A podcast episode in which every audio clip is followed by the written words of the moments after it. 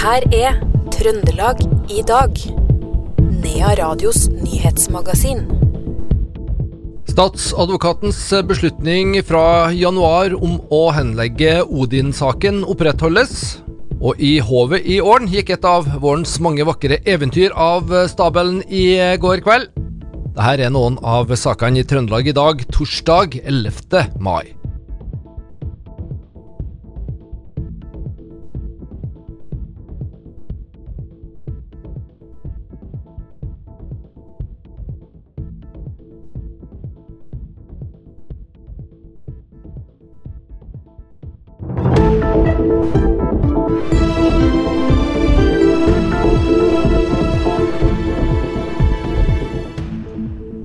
Tre personer ble i slutten av april pågrepet og sikta for deling av seksualiserende bilder av personer uten samtykke. Siktelsen gjelder også deling av seksualiserende bilder av barn under 18 år. To av de sikta er hjemmehørende i Trøndelag. Påtaleansvarlig Susanne Molund sier at det er satt inn store ressurser i saken. Av de to første som ble pågrepet, så er det en person som avhøres på nytt i dag. Og for den siste som ble pågrepet, så er vedkommende i avhør i dag og vil bli fremstilt for varetektsfengsling i morgen. Hvordan ble denne saken oppdaga? Politiet fikk medio april informasjon om at det ble delt bilder og videoer av jenter og kvinner som er lettkledd eller naken i en større gruppe på Telegram. Er informasjon som fremkom eh, via et vitne til politiets nettpatrulje og en fornærma som er blitt avhørt av politiet. Etter det starta man etterforskninga av saken. Hva skjer nå videre i denne eh, saken? Politiet vil fortsette med avhør av involverte. Eh, fortsette gjennomgang av elektroniske bevis. Så vil det gjøres fortløpende vurderinger opp mot hvem som skal avhøres. Og vi utelukker ikke flere siktelser etter hvert som vi får flere opplysninger via etterforskninga. I denne pressemeldinga dere sendte ut i dag, så sier dere at Kripos patruljerer Telegram. Hvorfor gjør dere det? Det er for å være til stede. Når det gjelder Kripos patruljering, så henviser jeg til Kripos for uttalelser konkret hva de gjør. Det sa påtaleansvarlig Susanne Molund til reporter Iver Voldal Lillegjerde. Politiet mener de tre siktede i denne saken kan knyttes til en lukket chattegruppe på meldingstjenesten Telegram. Åpent kontor ti timer i uka, det var løsningen politiet så for seg i Meråker da polititjenestestedet skulle gjenåpnes i løpet av året. Etter revidert nasjonalbudsjett som ble lagt fram i dag formiddag, så er det foreslått en halv milliard ekstra til politiet. Så stiller saken seg muligens litt annerledes. Her er Senterpartiets Kari Anita Furunes. Det er klart at uh, vi har sett at med prisveksten som har vært, så har det vært helt nødvendig å gjøre justeringer.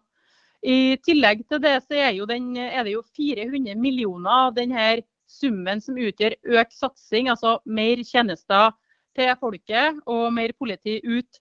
Og med den sikkerhetssituasjonen som eh, Norge er i nå, så er jo den opprettelsen av eh, et tjenestested i Meråker eh, absolutt noe som er viktig i forhold til sikkerheten og tryggheten og beredskapen ved en grensekommune.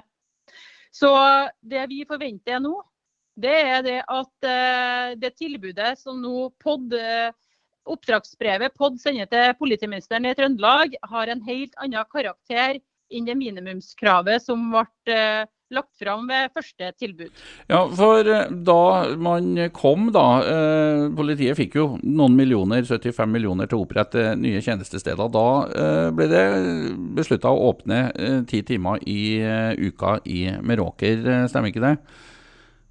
Det stemmer. To dager i uka og med bil, og i tillegg til politikontakt her. Og det er klart, Alle skjønner at det ikke øker tryggheten vesentlig for innbyggerne. Og Det vi understreker, eh, og som understreka fra justisministeren eh, på tilbakedelinga og opprettelsen i Meråker igjen, var jo spesielt pga. grenseproblematikken. Det sa stortingsrepresentant for Senterpartiet Kari Anita Furunes til vår reporter Knut Inge Skjem. Riksadvokaten opprettholder statsadvokatens beslutning fra januar om å henlegge den såkalte Odin-saken. Odin André Hagen Jacobsen eh, fra Skaun ble meldt eh, savna av foreldra foreldre da han ikke kom hjem etter en bytur i, Trondheim november 2018. Politiet har etterforska forsvinninga, men tidligere i år så henla statsadvokaten i Trøndelag denne saken. Statsadvokat Kaja Strandjord sier at saken fortsatt er henlagt. Riksadvokaten har opprettholdt statsadvokaten sin henleggelsesbeslutning. Eh, vi har funnet at det ikke er grunn til å anta at det foreligger noe straffbart bak Odin sin forsvinning. Det har jo gått eh, fire måneder siden den første henleggelsen i denne saken. Er det en krevende sak, siden det har gått så lang tid før man får den endelige beslutninga? Ja, statsadvokaten henla jo saken for litt siden, og så kom det klage fra foreldrene. Og i den klagen så var det mange innspill som Riksadvokaten måtte ta standpunkt til, måtte også innhente tilleggsinformasjon fra politiet i den forbindelse. Så da tar det litt tid. Er man da sikker på at man har landa på, på, rett beslutning i denne eh, saken? Eh, å tro at det foreligger noe straffbart i denne saken, er jo basert kun på hypoteser. Altså det, ikke, det, har ikke rot i de bevisene vi har i saken. Så det er nok en uh, ordinær forsvinningssak. Det sa statsadvokat eh, Kaja Strandjord til reporter Iver Valldal Lillegjerde. De pårørende er òg nå varsla om denne eh, avgjørelsen. Svenske reineiere får 5000 kroner i dagsbøter fra i dag fordi reinflokken deres er på norsk side. Det skriver NRK Trøndelag. Reineiere sier at de er avhengig av å krysse grensa til Norge for å ha nok plass, og fortviler over at ingen vil ta ansvar for situasjonen. Før kunne flokken fritt krysse grensa, men i 1972 ble det satt opp et gjerde mellom eh, Norge og Sverige for å holde de svenske reinene borte fra Norge. Siv Merete Belbo, som er direktør for reindriftsavdelingene hos Statsforvalteren i Trøndelag, sier at eh, de bøtelegger svenskene for å beskytte norske reindriftsbeite. Vannmagasinene i Midt-Norge hadde en fyllingsgrad på 11,5% i forrige uke. Det er historisk lavt, ifølge nettstedet MN24. En kald vår med mye snø og sen snøsmelting er sannsynligvis eh, årsaken, ifølge Aneo. Siri Line Hove Aas er analytiker og krafthandler hos Aneo, og bekrefter at fyllingsgraden er den laveste som er målt med denne type statistikk. Hun eh, avdramatiserer likevel situasjonen som har oppstått, og sier at det har snødd mye på tampen av vinteren, og det har tidvis vært kaldt. Dermed har den årlige snøsmeltinga forskjøvet seg, noe de tror snart vil endre seg. Hun tror heller ikke den lave magasinfyllinga vil slå direkte inn på strømkundene i regionen, sjøl om det også er lav vindkraftproduksjon i dag, eh, torsdag. Samferdselsdepartementet foreslår, i tråd med ønsker fra Trondheim kommune og Trøndelag fylkeskommune, å utvide innkrevingsperioden i trinn tre av Miljøpakken i Trondheim fram til 2033. Det foreslås også å innføre miljødifferensierte takster. Statens eh, vegvesen har regnet ut at bompengebidraget kan eh, øke med om lag 2,9 milliarder kroner ved en forlengelse av eh, innkrevingsperioden. Nok en person er pågrepet og sikta for frihetsberøvelse etter at en ung mann skal ha blitt dytta inn i en bil i Trondheim. Det opplyser politiadvokat Bente Bøklepp. Det betyr at totalt fire personer er sikta i denne saken. Bøklepp sier til NRK at politiet ikke utelukker at flere kan bli sikta. Byggebransjen har i flere år hatt fokus på det grønne skiftet, og nå øker også kravene til leverandørene om bærekraft og grønt fokus. I dag åpna Norges første byggvarehus, bygd som passivhus med solceller på taket. Daglig leder Arne Helland syns det er naturlig at byggeren etablerer seg i Malvik. Hommelvika er jo en plass hvor vi ikke bygger ned dekk ennå. Vi har jo i Trondheim, og så neste er jo Verdalen. Og eh, Litt av grunnen til Hommelvika det er jo at det skjer veldig mye bra her.